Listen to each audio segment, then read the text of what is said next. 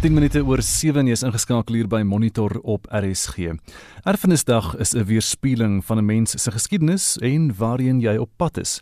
Een van die plekke wat die perfekte storie in 'n land se erfenis is, is die land se parlement. Hier kan die verlede besoek word deur die standbeelde en die skilderye, terwyl die jongste gebeure ook ervaar word in die kralewerk en die fotos. Die twee huise of die twee rade dan van Suid-Afrika se parlement en die terrein waarop dit staan op die terrein van die ou Kaapse parlement is in 2014 as 'n erfenisterrein verklaar. Celine Merrington vertel die storie. Die parlement se twee mees prominente geboue, die nasionale vergadering en die nasionale raad van provinsies, vertel die verhaal van die land se geskiedenis. In die woorde van die land se eerste demokraties verkose president, Nelson Mandela, is dit veronderstel om die parlement van die mense te wees. Die hoofsweep van die Vryheidsfront Plus, Corneil Mulder, sê erfenis is 'n gebalanseerde rekord van die verlede. Die geskiedenis is alles wat gebeur het uit die verlede uit in die parlement wat my betref, moet juis maatreëls tref om dit te akkommodeer en dit vir die wêreld aan te bied en te wys dat die wêreld daarna kan kyk objektief en dit kan sien. Dit is nie aanvaarbaar wat tans die geval is dat al die skilderye en beelde en goed in die kelder van die parlement weggesteek word nie. Dit beteken niks. As ons nou eers begin om met standbeelde en beelde te wil verwyder, dan moet ek eers te wees om te sê koningin Victoria se standbeeld moet weggevat word, want onder haar tyd was my ouma in die konsentrasiekamp. Maar ek doen dit nie want dit is deel van die geskiedenis, dit is deel van Suid-Afrika se koloniale verlede en ehm um, ons moet eerder aanpas by die nuwe goeder wat gebeur het en dit byvoeg want dit gee 'n geheel beeld van die totaal van die parlement en daarom is daar 'n baie mooi erfenis, daar's 'n baie mooi geskiedenis aan verbonde maar reflekteerde die land en vastelandse mense. Die IFP hoofsweep Naren Singh meen baie meer kan gedoen word. I see as the most significant symbol of parliament the National Assembly mace, which is a symbol of authority of the National Assembly. It was redesigned in 2004 to better reflect South Africa's histories and traditions, as well as the languages, culture, and diversity of our nation. So, finally, as the IFP, we believe that these and other symbols form part of Parliament's heritage. And we have them on display during Parliament and also in the parliamentary precinct. But uh, as we move forward, we can do more. As I've visited parliaments in Ghana and other African countries that have more Africanness uh, etched into its heritage. And this is something I think we need to strive for moving forward. Sing se ewe knie in die ACDP, Steve Swart, sê die tradisies in die twee raadsale vertel die land se storie. The mace is a symbol of the authority of the National Assembly and is carried into the chamber by the sergeant at arms, announcing the arrival of the speaker and the formal sitting of the National Assembly. The rod has a similar function for the NCOP. Both have been redesigned after 1994 to incorporate the rich cultural diversity in South Africa. Parliament also has a new emblem, the main part being a protea and a drum with the sun at the top. The words, We the people, appear above an open book symbolizing the Constitution, and the drum calls Parliament together. Die woordvoerder van die parlement, Moloto Mutapo, verduidelik dat die erfenis van die parlement die land se rykdom reflekteer. We also have the 112 meter long and 70 meter high Keiskama art project tapestry in the old assembly building. This tapestry tells the African story in beadwork, skin, and, and, and uh, embroidery from the perspective of ordinary people. It's a powerful symbol of our People's Parliament, demonstrating our support for empowerment of women and support for local initiatives. Parliament's emblem also is a reminder about who we are as a democracy and uh, where we come from.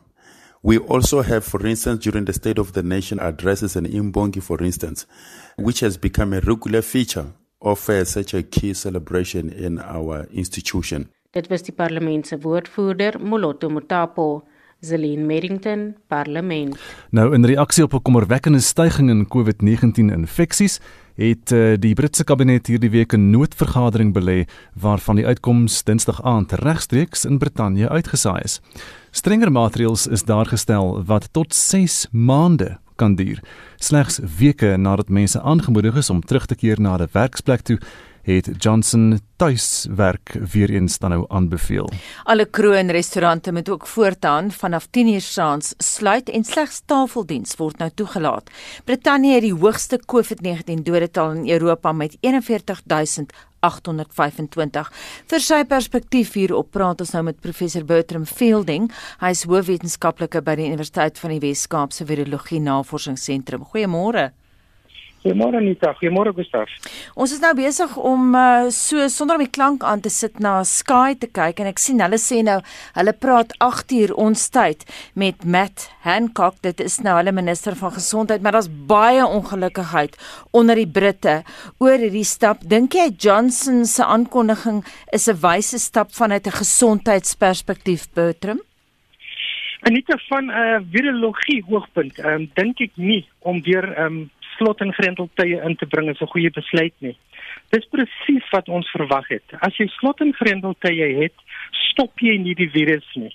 Jy vertraag net die versprei van die virus. So sodra jy die slot en grendeltye opskort of verlig, sal jy definitief 'n stygings in syfers sien. So ek is nie verbaas dat almal verbaas is dat ons dit sien nie. Dit is virologies ehm um, wat ons verwag het. Nou Bertram, dis nie net Brittanje nie, dis ook die Filippyne wat onlangs teruggekeer het na wat hulle na verwys as 'n soort van 'n hard lockdown. Is daar geen ander opsies as dit nie?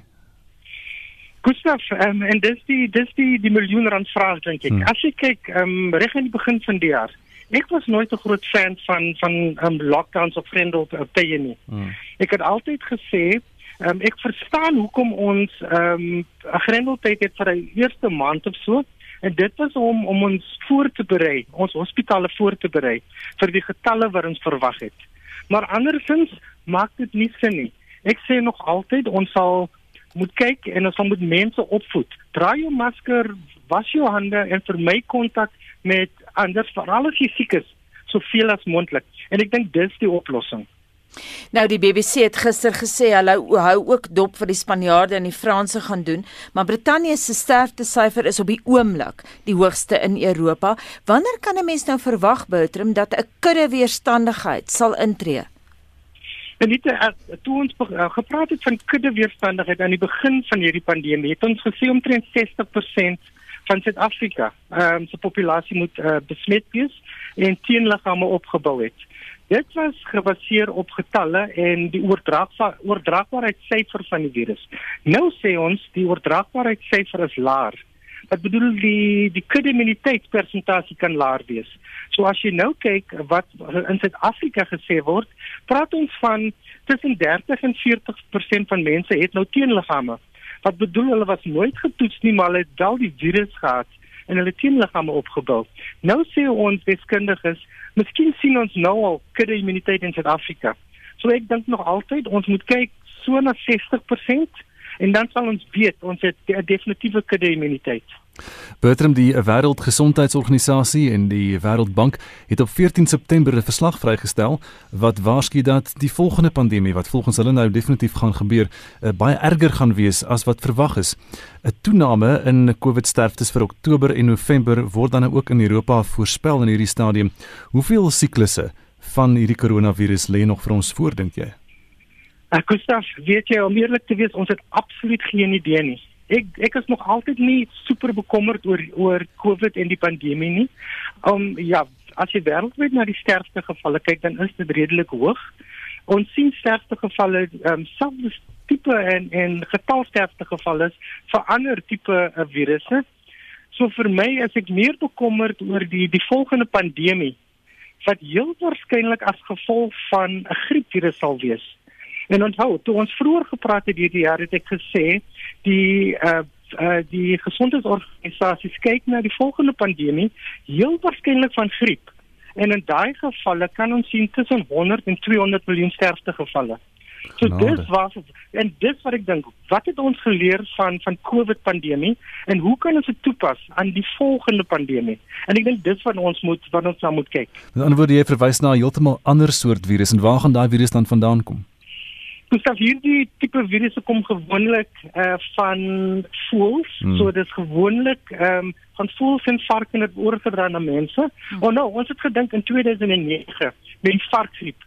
Het ons gedink dis nou die groot een. Ja. Gelukkig was dit nie die groot een nie. Maar ek dink nog altyd ons sal wel ehm um, nog koronavirus en nie COVID nie, iets anders van 'n hmm.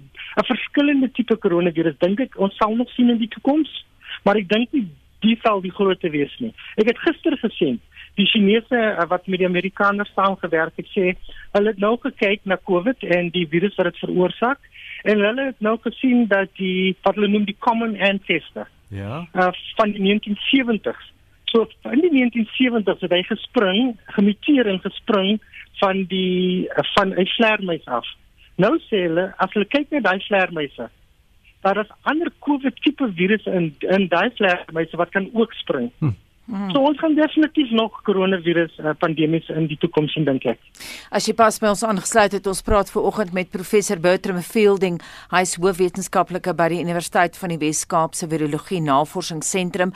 Bertram, ek wil tog hê jy moet herhaal vir luisteraars wat laat slaap op hierdie vakansiedag en gemis het wat jy gesê het want Ons het albei Gustaf en ek so na mekaar gedraai mm. met groot oë toe jy sê hier kom dalk 'n totale ander virus en jy praat van 102 miljoen sterftes wat moontlik kan volg. Herhaal net daardie inligting vir ons luisteraars.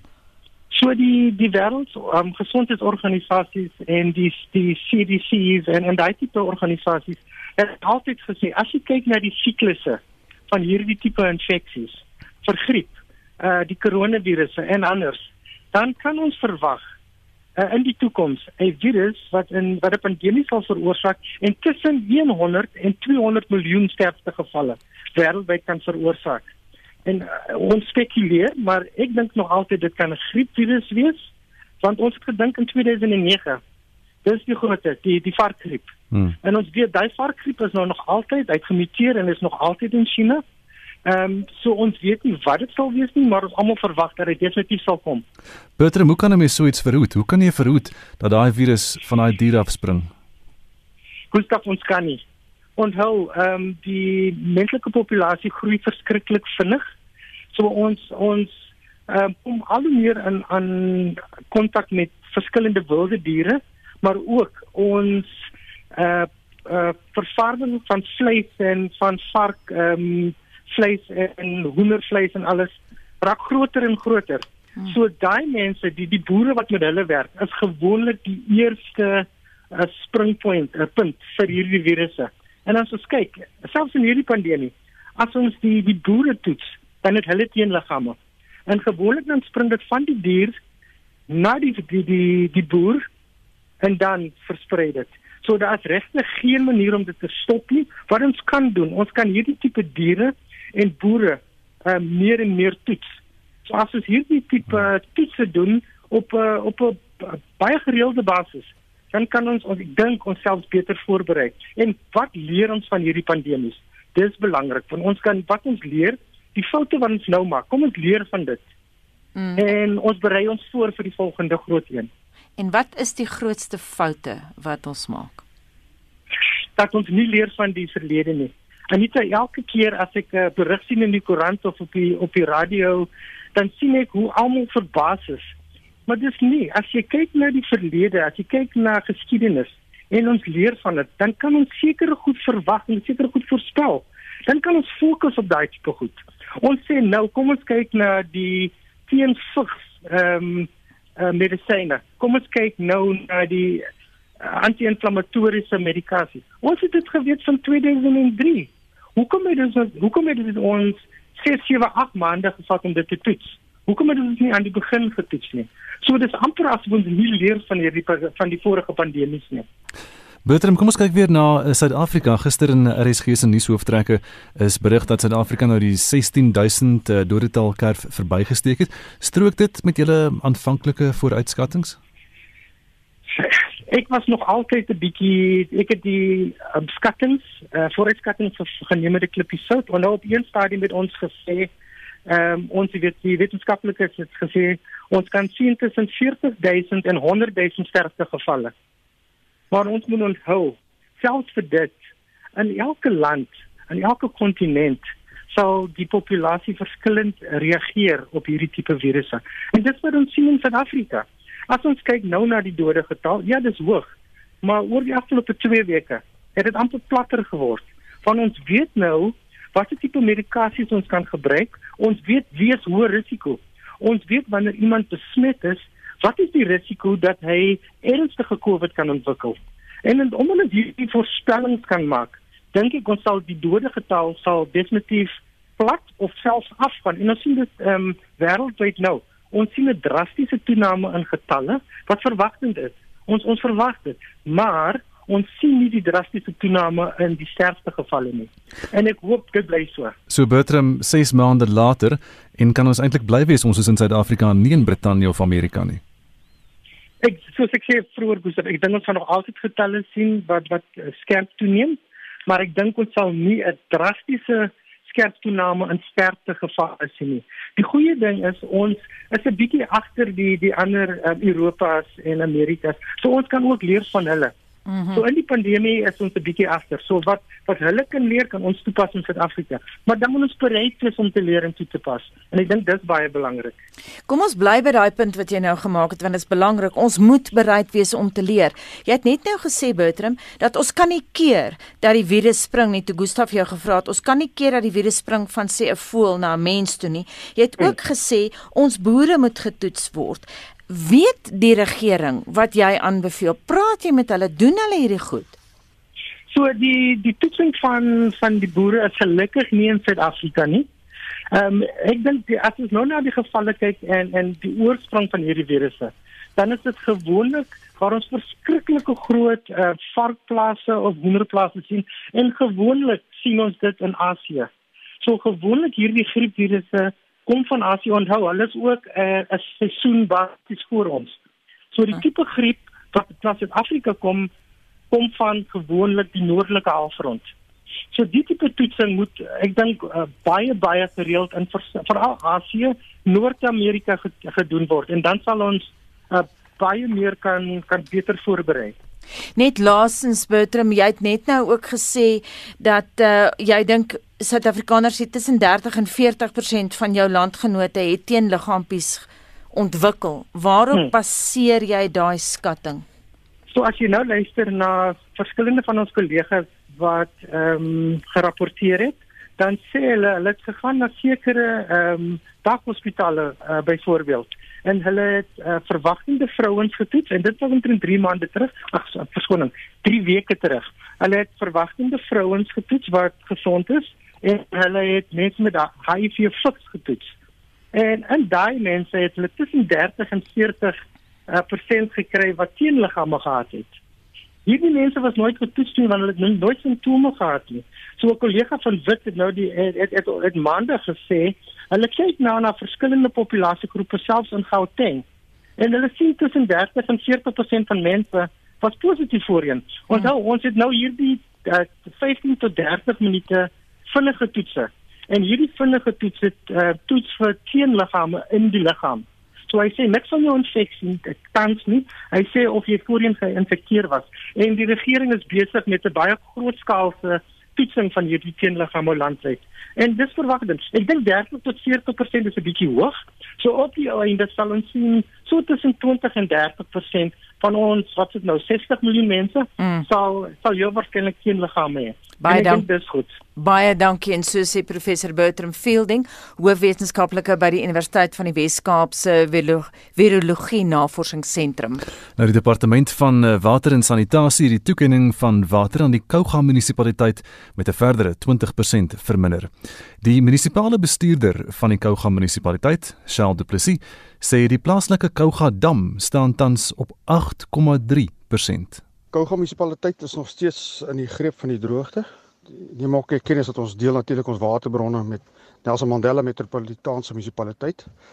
Op die oomblik staan die damvlakke soos volg: Kouga dam 8.34%, die Churchill dam 54.1%, die Mpofu dam 18.59% en die Luru dam op 30.5%. Kouga munisipaliteit het 'n beperkte toekenning uit hierdie damme vir water. Meeste van hierdie water word natuurlik deur Nelson Mandela Metropool gebruik. Die munisipaliteit het voorheen waterransonering ingestel. Nou hoe vorder die proses?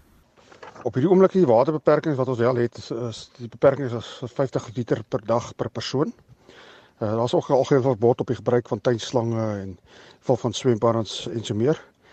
Die departement vir water en sanitasie het ons uh, toekenning uit hierdie damme met 'n verdere 20% verminder. Streng waterbeperkings in meeste van die munisipaliteit van toepassing en in Hankie en Potensie is waterrasionering nog van toepassing. En Charles, hoe vorder die projek om grondwater te onttrek en verwerk wat dan water aan inwoners kan voorsien? En wat behels die projek? Ons projekte om grondwater te gebruik uh verloop mooi. Ons is besig om verskillende fases nou te voltooi en die toetse te doen en so aan.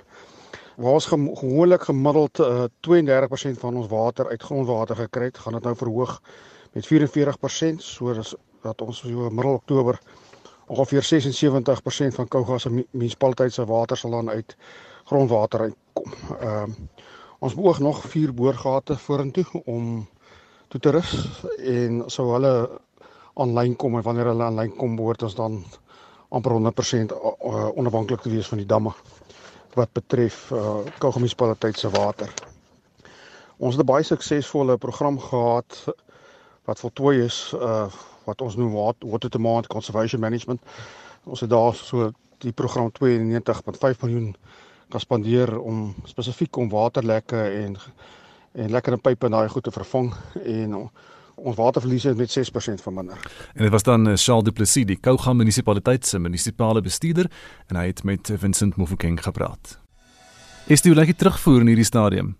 Magda Victor sê sy kies plat op die aarde mense wat op 'n een eenvoudige en onpretensieuse manier uitstaan sonder beeldpoetsers en hoë geleerde titels. Soos die roosterkoek tannie tannie Poppy van Lynsburg wat oor see gaan roosterkoeke bak het. Onbeskaamd vriendelik en trots op haar werk onbedoeld 'n ambassadeur en uitdraer van eg Afrika wees. Kom ons luister nou na wat een van ons luisteraars gesê het. Ek sou sê Dr Piet Kroukamp en Lorika Raug. Hy is nou vir my twee anthem heroes. Antie Lorika is al vir jare in die musiekbedryf en hulle twee bewaar ons erfenis baie baie goed. So alle twee sal vir my my heroes wees. Jonathan April van Gouda. Emma skryf haar legendes is Dr Chris Barnard, die Drakens Rosberg se seunskoor en Nathaniel. Janita Rath Posrosnik skryf: Steve Hofmeyer is al goed sleg gesê, maar hy bly staan vir dit waarin hy glo. Love him, hate him, hy het die waagmoed om op te staan om dit in die openbaar te sê, nie net by die braaivleisvuur nie. Ek stem vir Steve. En dan sê Koos van Middelburg, Desmond Tutu is my ikoon. Sonder aansiens tens persoon het hy vreesloos geregtigheid en versoening gepreek en gedoen. Ek mis sy stem deesdae. Ek is net voor 8 weer terug met met nog van jou terugvoer. Nee, wat jy nie weet nie, jy's nou weer terug met ander terugvoer oor wêreldnuus gebeure is. Die Libanon se president Michel Aoun het gisteraand 'n pleidooi gelewer vir internasionale hulp te midde van wat hy beskou het en beskryf het as 'n ongekende krisis. Aoun het hierdie hulpkreet in Arabies in 'n vooraf opgeneemde video-verklaring by die VN se algemene vergadering gerig en uh, jy het vir ons meer daaroor vanoggend en ander wêreldnuus gebeure ook. Ons sê Libanon se ekonomiese en finansiële situasie, COVID-19 en die onlangse ontploffing by die hawe in Beirut het die land in 'n uiters kritieke situasie gelaat.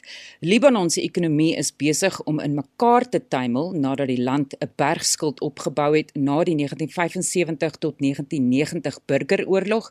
Die banke is lam gelê, die geleente eh, die geldeenheid, ekskuus tog, het in duie gestort en die land kan nie die ooreenkomste ten opsigte van lenings nakom nie. Byna 2000 mense het in die ontploffing in Augustus gesterf, duisende is beseer en skade van sowat 4,6 miljard Amerikaanse dollar is aangerig.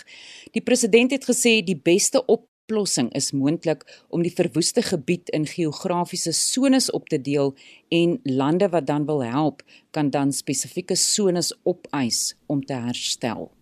En dan verskuif ons die fokus na COVID-19 en stowwe en 156 lande het nou aangesluit by die wêreldwye COVAX skema wat bestem is om te verseker dat voorrade van die enstowwe teen COVID-19 regverdig versprei word wanneer dit beskikbaar sou wees en die nuus is deur 'n alliansie wat deur die WGO gelei word bekend gemaak.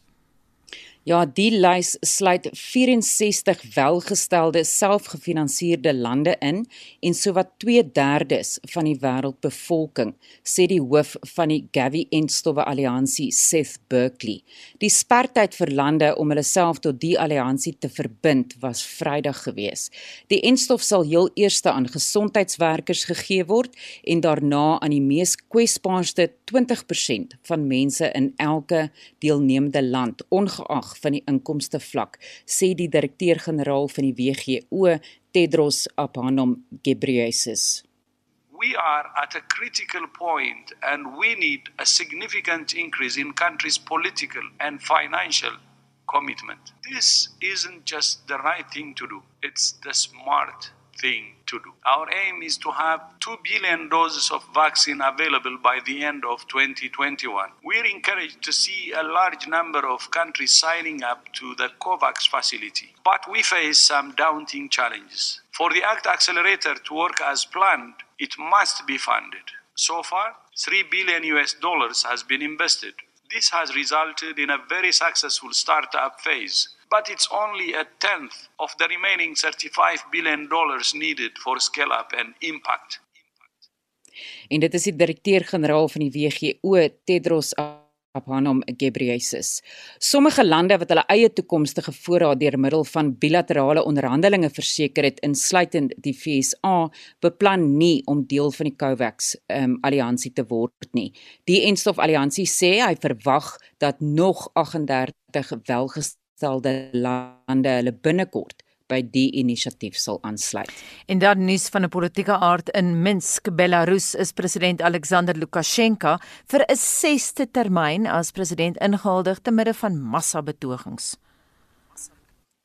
Lukasjenko se inhuldiging volg na 'n verkiesing wat volgens die oppositie en verskeie buitelandse regerings onreëlmatig was. Die seremonie is sonder waarskuwing gehou nadat Lukasjenko 'n oorweldigende oorwinning in die 9 Augustus verkiesing verklaar het.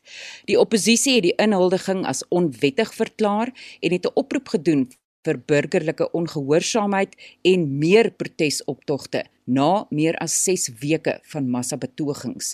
Die amptelike nuusagentskap Belta het berig dat Lukasjenko se regterhand op 'n afskrif van die grondwet geplaas het terwyl hy die ampseed afgelê het voor enkele honderde mense wat die seremonie bygewoon het. Die 66-jarige leier het gesê dat die land veiligheid en konsensus nodig het en ek haal aan op die rand van 'n wêreldwye krisis, 'n klaarblyklike verwysing na die COVID-19 pandemie. Hy het gesê ek kan nie, ek kan ek ek het geen reg om die Belorusse te verwerp nie. Amerika en die Europese Unie is besig om sanksies in te stel teen die amptenare wat by die verkiesing betrokke was en 'n daaropvolgende onderdrukking van betogers deur die veiligheidsmagte. Net 'n interessante brokkie hierso die Sowjetoloog in Suid-Afrika professor Gerrit Olivier wat ons ambassadeur in Moskou was, sê in 'n onderhoud aan Monitor nou dat hy sal glad nie verbaas wees as Putin Belarus annekteer nie. So ons sal kyk wat gebeur daar. Maar intussen hy gaan ons na Berlyn toe waar Alexei Navalny nou uit die hospitaal ontslaan is waar hy behandeling ontvang het nadat hy vergiftig is. Ja, Navalny het op 'n binnelandse vlug siek geword en in 'n koma verval. Die hospitaal het in 'n verklaring gesê sy toestand het so verbeter dat hy ontslaan kan word en die prognose is dat hy heeltemal sal herstel. Dit is egter te vroeg om die langtermyn uitwerking van die vergiftiging te bepaal. Toetse wat in Duitsland, Frankryk en Swede gedoen is, wys dat Navalny met 'n Novichok seniemiddel vergiftig is. Moskou sê daar is nog geen bewyse van 'n misdaad nie, maar sê Navalny is welkom terug in die land. En nou gaan ons na ons buurland waar duisende Mosambikers honger ly omdat hulle uit hulle huise moes vlug en hulle plase moes ontruim weens toenemende geweld deur IS militante. Meer as 300 000 mense het uit die gasryke Cabo Delgado na naburige provinsies en Tansanië gevlug. Insyplaars het sleuteldorpe oorgeneem en militêre en ander sleutelteikens aangeval. Die Wêreldvoedselprogram sê hy benodig bykans 80 miljoen rand om die haweloses te help. En in Mumbai, Indië, veroorsaak vloede groot amok. Swaar reënval het baie oorstroom en inwoners het deur diep vloedwater geloop terwyl voertuie deels onder water was. Treindienste is ook onderbreek wat tot groot ontwrigting gelei het. Grondverskywings het plaasgevind terwyl waterdraande siektes kan voorkom. 2/3 van die 1,3 miljard inwoners is egter afhanklik van die reën vir hulle boerderye. En dit was Estie wat ons op hoogte gebring het van internasionale nuusgebeure. Nou meer as 300 olifante in Botswana het gevrek aan blougroen alge sê die land se regering. Helaas stem veeartse in die res van Suider-Afrika glad nie saam met die blitsvinnige en wat hulle beskou as 'n ondeurdagte diagnose nie. Boonop het sekere sektore van die internasionale media soos Al Jazeera en Bloomberg die Botswana regering se diagnose as 'n deurbraak beskryf. Dr Marcus Hofmeyer, buitengewone dosent aan die fakulteit veeartsenykunde by Onderste Poort se Wildlewe Sentrum, het gister aan Monitor sy besware oor eh, die diagnose geskets. Die bewyse wat voorgelees is nie heeltemal volledig nie en blougen alge diagnose dis 'n toksien wat die algae uitskei op 'n sekere tyd ons het dit op 'n stadium in Kreer ook gehad en sekere damme toe daar baie seekoeie was. Hierdie kan moontlik van die gevalle kan dit wees, maar soos ek sê dit is nie baie maklik om dit te diagnoseer nie want die toksiene is baie volatiel. So sodra die diere dood is of as die dam opdroog, dan kan ons nie dit na die tyd bewys nie. Daar is wel olifante in Zimbabwe ook dood nou onlangs en hulle het 'n baie beter diagnose daar gemaak want hulle het vars karkasse gekry en die monsters is direk na 'n goeie lab toe.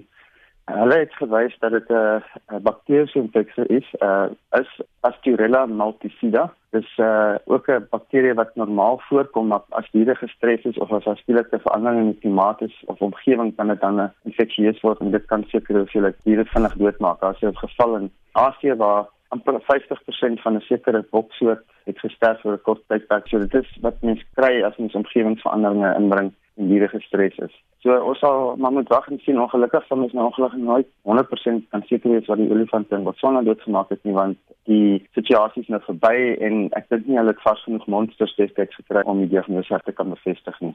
Mense sou gedink het hulle sou met hulle buurlande gepraat het en hulle raad ook ingewin het voordat hulle sommer net 'n besluit geneem het oor wat dit sou wees. Hulle het dit uiteindelik toe gedoen maar aanvanklik het dit nie gebeur nie. Hulle wou meeste van die diagnose self maak, maar daar is 'n komitee, die Casa Animal Health Working Group, ek self op daai komitee. En uh, daar is op baie ondersoeke en baie ondervinding wat op die komitee sit van Zimbabwe en ons het almal op standby gestaan om te help so dit nou begin weet regtig ernstige issue word dit hulle nou moes ons begin uitstuur na ander plekke insluitend na ondersoek in Suid-Afrika en, en na die lab in Zimbabwe en ek, verneem hulle het ook uh, monsters uitgestuur na ander labs in ander lande.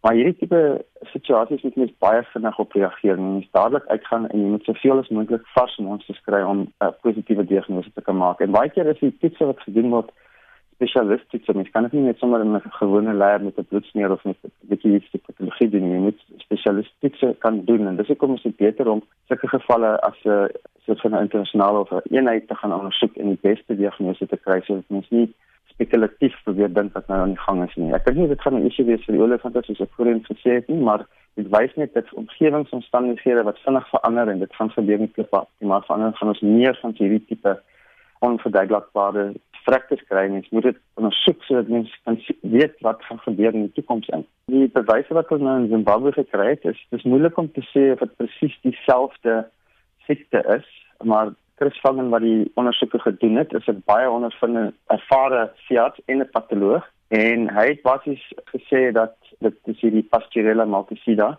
die monsters wat hy ondersoek het van Botswana het soortgelyke tekens gehad, maar hulle was ouer monsters. Dit is onmoontlik om te sê of dit 100% daai siekte was. So ek dink ons moet maar net spekuleer. Dit kan miskien 'n kombinasie van goed wees, maar wat geen twyfel is nie, dit is 'n omgewings die siekte was verbind met omgewingsomstandighede wat moontlik verander het weens temperatuur en reënval en dan gedoen. En ons gaan meer van hierdie tipe situasies sien in die toekoms. En natuurlik ook in Suid-Afrika. Ja, nee, definitief. Ja, ek dink die belangrikste ding van hierdie situasies is die vermoë om as 'n span internasionaal te kan werk. Dit moet nie hierdie siektes te veel probeer gebruik om nasionale trots uit te oefen nie of media te misbruik nie. Dit hierdie tipe situasies is moeilik om te diagnoseer. Mense, die beste mense wat kennis het, fisies by die situasie te wees. En dit het uiteindelik gebeur maar dit het maande na die eerste vragtes begin uitspeel eers. So wat nou in Botswana presies gebeur het is jy nou 'n situasie waar ons 'n interessante en 'n buitengewone vragte gebeurtenis gehad het. En in Botswana het hulle nou gesê dis moontlik die blou-groen algie maar omdat dit nie met die regte bewyse gekom het nie. Mense nog altyd spekulatief of dit nou regtig dit was of nie. En dis onnodig want aan die einde van die dag is hierdie siektes nie verbonde aan 'n grens nie. Hulle is verbonde aan 'n tipe omgewingsverandering spesies van diere en dit het relevantie vir almal wat betrokke is met waring en wat graag wil weet hoe dinge beter gedoen kan word. So ek dink ons moet amper harder werk om wetenskap en hierdie tipe ondersoeke te skei van politieke agendas en so en gelukkig is dit 'n groot probleem reg oor die wêreld maar aan die einde van die dag is dit baie baie belangrik om 'n ordentlike ondersoek te doen, vasgestel te kry en die beste mense wat mens kan kry om om 'n ondersoek te kan doen. Die klimaatsveranderinge en ander klimaatsveranderinge gasse wat in die lug is, lyk dit en dis dis die informasie wat ek kan blootgestel is dat die suidwestelike gedeelte van suidelike Afrika vinniger warm word as as die gebiede wat groener en bietjie meer reënval kry. En dit het natuurlik 'n moontlike impak oor hoe hierdie natuurlike siektes se epidemiologie en impak gaan verander. En dit gaan natuurlik interessant wees om dit te volg. Eh uh, daar's baie min wat mens dan kan doen, maar dit is hoekom dit so belangrik is om korridors en nuwe gebiede te kan hê waar diere kan inbeweeg as dinge begin verander. Eh uh, en dit is die grootste uitdaging van van bewaring veral vir olifante as 'n as 'n voorbeeld want hoe meer mense daar is en hoe minder plekke af hulle is, hoe meer word hulle gedwing om in een plek te bly en dan kan hulle nie mak as die verandering vinnig plaasvind met die klimaat gaan dit natuurlik 'n impak hê op hoe hulle oorleef in die toekoms. Dr Marcus Hofmeyer daar buitengewone dosent aan die fakulteit vir artsenykunde by Onderste Poort se Wildlewe Sentrum. En uh, soos wat ons in die vorige onderhoud gehoor het, glo Dr Marcus Hofmeyer van Onderstepoort dat olifantfraktes wat toenemend in Suider-Afrika voorkom, toegeskryf kan word aan stres wat aan hulle veranderende ekostelsel en klimaatsverandering toegeskryf word. Professor François Engelbrecht van Wits Universiteit se Global Change Institute het gister aan my gesê Dr Hofmeyer se teorie is 100% in die kol. Ons sien inderdaad in Suider-Afrika oor die afgelope 5 dekades dat temperature baie vinnig styg, veel vinniger as die wêreldwye gemiddelde stygings in temperatuur. En spesifiek in die Okavango Delta het ons oor die afgelope 5 dekades waargeneem dat temperature besig is om te styg teen 'n verbuisterende 3.6 grade Celsius per uur. En dit is min of meer 3.6 keer vinniger as die tempo waarteen die wêreldwye gemiddelde temperatuur styg.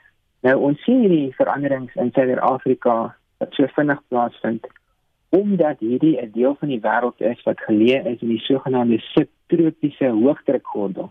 Dit is 'n deel van die wêreld waar hoëdrukstelsels geleidelik besig is om al hoe sterker te word as gevolg van die proses van globale verwarming. Nou in Botswana is daar 'n 'n hoëdrukstelsel waarin in die skool klimaathandboeke verwys word na die sogenaamde Kalahari hoëdrukstelsel of soms die Botswana hoëdrukstelsel. So hierdie is 'n gebied wat gereeld hoogdrukstelsels se effekte ervaar. Wanneer hierdie stelsels in die somer vorm, bring dan ook dikwels langdurige droogte na Botswana. As 'n gevolg van klimaatsverandering is dit nou ongelukkig so dat hierdie hoogdrukstelsels al hoe meer gereeld begin vorm in Suider-Afrika. Ons sien dus al reeds 'n groter voorkoms in die voorkoms van hoogdrukstelsels in hierdie deel van die wêreld gepaard gaan met hoogdrukstelsels wat meer gereeld voorkom, ek is natuurlik die meer gereelde voorkoms van droogtes wat vir meer as 1 jaar op 'n slag voortduur. En baie luisteraars sal ook onthou van die 2015-16 droogte veroorsaak gedeeltelik deur die groot El Niño gebeurtenis van 2015-16 wat ook in Botswana baie groot impak gehad het. So byvoorbeeld het Botswana in 2015 minstens meer 20% van hulle beeste verloor en in 2016 'n verdere 20%. En dit was as gevolg van die gekombineerde werking van langdurige droogte en baie langdurige hittegolwe wat in hierdie 2 jare voorgekom het. As gevolg van klimaatsverandering is dit ongelukkig ook so dat ons in Botswana meer gereeld die voorkoms van droogtes kan verwag wat vir 3 jaar of langer op 'n slag duur en dit sou ongelukkig dan ook gepaard gaan met die meer gereelde voorkoms van langdurige hittegolwe. En so sê professor François Engelbrecht van Wits Universiteit se Global Change Institute.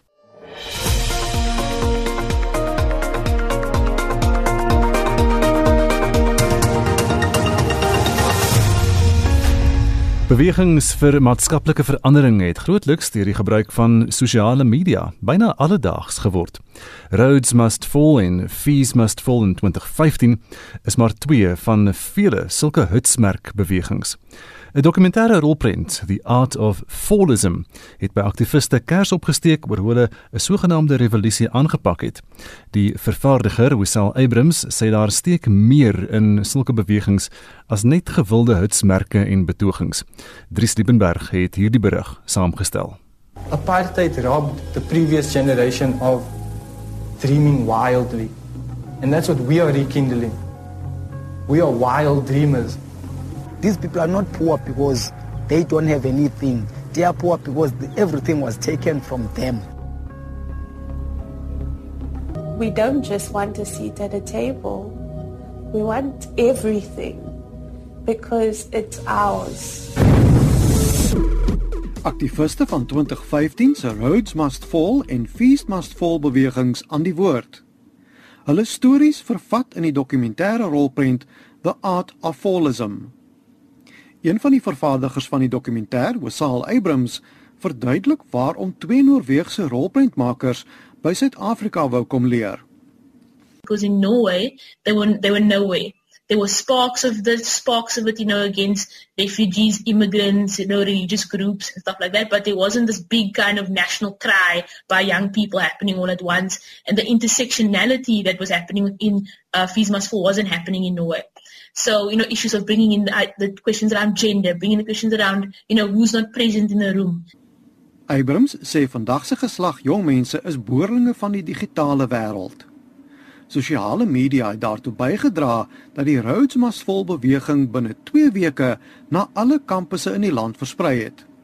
Abrams sê buiten die betogings wat studente gehou het, het hulle betrokkenheid ook meegebring dat hulle diep nagedink het oor hulle eie identiteit. So there's an incredible awakening that's happening. And I think what the Fees Must Fall, Roads Must Fall movement, what it did, the ripple effect, that domino effect, it's challenging us to go, you know, let's have this conversation with our parents and see where we have resistance towards this, this massive change. So that narrative and that debate sparked, you know, something a lot more personal because the, as you know, the Fees Must Fall movement, it, you know, it got stubbed. But the conversation and the ideas that it brought to the table still very much exist today. Abrams glo elke geslag moet die samelewing bevraagteken en ontslaa raak van dit wat nie werk nie. People like no this needs to happen and this is where the this is where our country should be going and these are the things we should be discussing and no people just feel entitled and want things for free and we never got anything for free so why why why is this um, generation you know knocking on this door? So they, that was incredibly important because those conversations and that rift between the you know those two groups are essential for us to understand why we're not moving forward why we're not more whole as a country. Maar die vraag bly glo jong mense in 2020 nog in sulke sogenaamde hitsmerkbewegings? En in watter mate is dit deel van hulle identiteit en erfenis for example, like my grandparents or who are from the older generation, they know that all of this is happening, but for the first time in I think history, people are actually speaking out. Uh, our former president Nelson Mandela didn't resort to violence. So violence is not the answer to everything. There's lots of other ways that you can bring about revolution, like Gandhi did the Salt March. Uh, with regards to hashtag uh, Zimbabwe Lives Matters, I think it's a hashtag movement that is required to be known fully in publicly in every other country, in every other, um, actually globally. With your social networks, uh, that's how young people actually get informed about what's happening. Abrams sê die belangrike ding is om moedig vir verandering te werk sodat 'n mens iets tasbaar agterlaat sodat die volgende geslag die proses kan voortsit. Ek is Dries Liebenberg in Durban. Laaste terugvoer Estie. 'n Luisteraar skryf: "My keuse vir 'n persoon wat 'n verskil gemaak het is Pierneef wat die pragt van ons Suid-Afrikaanse landskap op doek vir ewig het, 'n waardige nalatiging. Daar's ook heelwat mense wat hulde bring aan ons land se boere. Christine Maree laat weet PG Du Plessis, die skrywer en Bets Ferreira skryf op ons Facebookblad Professor Virginia Davids van UCT wat talentvolle mense uit enige agtergrond neem en afrig tot wêreldklas, byvoorbeeld Prettyende, Pauline Malefane en dosyne ander wat nou internasionaal optree. Willemien Brimmer sê verseker Dana Snyman met sy fyn waarnemingsvermoë bring hy hulde aan ons erfgoed soms met groot nostalgie en mense in sy rubrieke, boeke en TV-programme. En Denise skryf Aubrey Springfield, 'n stamboomnavolger en David Kramer met sy liedere en opvoerings en ook aan RSG. Baie dankie vir jou terugvoer vandag. En so kom ons aan die einde van vandag se monitor. Onthou dat Monitor Spectrum naweek aktueel kommentaar en finansiële fokus is as potgoeie beskikbaar. Gaan dit na RSG se webwerf, dis rsg.co.za en klik daar op potgoeie.